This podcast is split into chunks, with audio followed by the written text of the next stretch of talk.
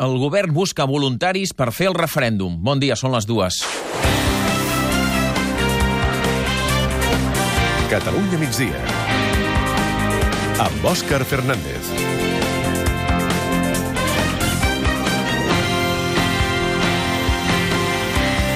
El govern ha anunciat avui durant la sessió de control al Parlament que no obligaran cap funcionari a treballar el dia 1 d'octubre, que obren una borsa on es podran apuntar voluntaris per ajudar a organitzar la consulta. S'hi podran apuntar tant treballadors públics com qualsevol que ho vulgui. És una nova concreció sobre el referèndum que se suma a la data i la pregunta que vam saber la setmana passada. Anem al Parlament. Carme Clèries, bon dia. Hola, bon dia. Si el president ha volgut tranquil·litzar així els funcionaris amb l'anunci d'aquesta borsa de treball de voluntaris, siguin funcionaris o no, en total en caldran uns 4.500 que la Generalitat haurà de seleccionar entre el total de ciutadans que s'hi presentin i haurà de formar per acreditar-los després com a agents electorals, de fet com es fa en les, totes les eleccions. Carles Puigdemont afirma que en lloc diu que aquestes persones hagin de ser funcionaris. Comencem a tenir, doncs, concrecions, tot i que encara, quan falten tres mesos i mig per la consulta, queden molts interrogants oberts. Quan s'aprovarà la llei de transitorietat que ha d'emparar el referèndum, què dirà, com es compondran les meses, si hi haurà campanya pel sí i pel no, d'on sortirà el cens... Són alguns dels dubtes que encara no s'han resolt i que el govern insisteix que anirem descobrint quan toqui. Mentrestant, avui Podem s'ha sumat al referèndum unilateral després que les seves bases han votat per participar-hi activament. Tot i el suport, la formació d'Albano Dante Fachin manté que no és el referèndum que els agradaria i ha concretat què votarà ell. En el meu cas concret, jo votaria que no perquè la nostra organització i la nostra idea no passa per la independència de Catalunya, sinó que passa per construir aquest estat plurinacional. A Madrid, el que segueix monopolitzant l'actualitat política és la moció de censura. Avui destaca una picabaralla entre Pablo Iglesias i Albert Rivera i un intent d'acostament cada cop més clar de Podem cap a Esquerra Republicana convidant el PSOE a sumar forces per canviar governs. Anem al Congrés perquè ara mateix s'està fent la votació un per un d'aquesta moció de censura. Aquesta Carmany, bon dia. Bon dia, sí, ara mateix els diputats estan votant la moció que no tirarà endavant. No haurà servit per fer fora Mariano Rajoy, però sí que haurà rebaixat la tensió entre Podem i el PSOE. Pablo Iglesias i José Luis Ábalos han protagonitzat un debat conciliador on els socialistes han recollit la proposta de formar una majoria progressista en el futur. Tot el contrari del cara a cara entre el president de Ciutadans i el líder de Podem, que han arribat a la desqualificació personal i l'insult.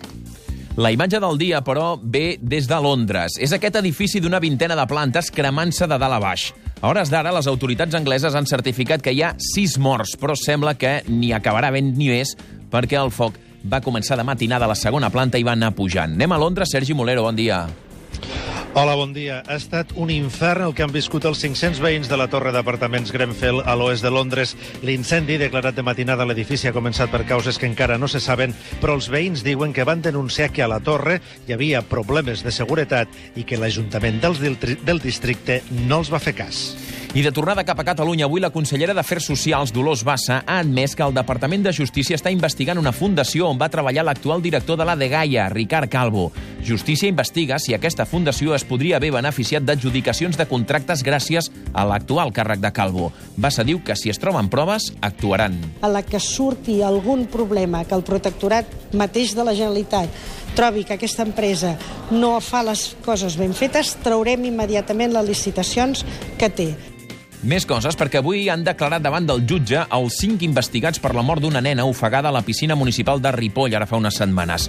Als jutjats de Ripoll hi ha l'Albert Requena. Albert, bon dia. Bon dia. A aquesta hora han acabat les compareixences al jutjat dels cinc investigats pel cas de la nena morta a la piscina de Ripoll.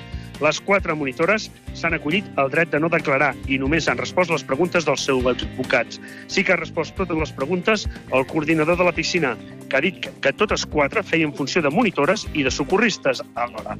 Un fet inexplicable per a les acusacions particulars.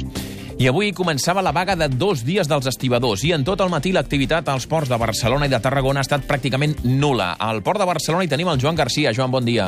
Hola, bon dia. Imatge insòlita dels vials del port, pràcticament sense camions. Els pocs que avui s'han aventurat a entrar es troben que ni poden carregar ni descarregar si no és que porten algun producte protegits pels serveis mínims. Grups d'estibadors controlen que no hi hagi activitat a les terminals. I de la informació internacional eh, també estem pendents dels Estats Units, perquè Donald Trump suma 196 motius de preocupació més. Són 196 els congressistes demòcrates que l'han demandat per haver acceptat diners de governs estrangers en negocis particulars quan ja era president i sense el consentiment del Congrés, fet que, segons ells, viola la Constitució americana. De la cultura, avui s'ha inaugurat al CCCB a Barcelona una exposició sobre Bjork. És una mena d'òpera tecnològica, de manera que vosaltres sabreu. A mi m'agrada molt una cançó d'ella que diu vull que sincronitzem els nostres sentiments. Jo crec que aquesta és la, la manera de tenir aquesta experiència. I és que Bjork és la cap de cartell del Sonar d'aquest any. Avui hi fa una sessió de DJ, però de l'exposició de l'artista islandesa ha anat a veure-la al Blai Mercè i em sembla que has vingut trastocat. Sí, imagina't, és com anar a un concert seu, però millor, un viatge pels sentiments de Björk, a través de la realitat virtual immersiva, a través de paisatges d'Islàndia i parts del cos també. Hem entrat dintre de la boca de Björk i hem sortit pel seu úter, imagina't. Uh, com deies, uh, exposició al CCCB fins a finals de setembre, xerrada a la tarda al Sonar Més D i sessió de DJ de 4 hores al vespre. Sí, el Blai Mercè, que és un dels homes que més sap de concerts a Catalunya No, diu no que és passi, no. millor que un concert eh, calcula com és aquesta exposició. Però si parlem de cultura avui, no podem deixar de passar per Berga, perquè a Berga ha començat la Patum, Isaac Vilalta.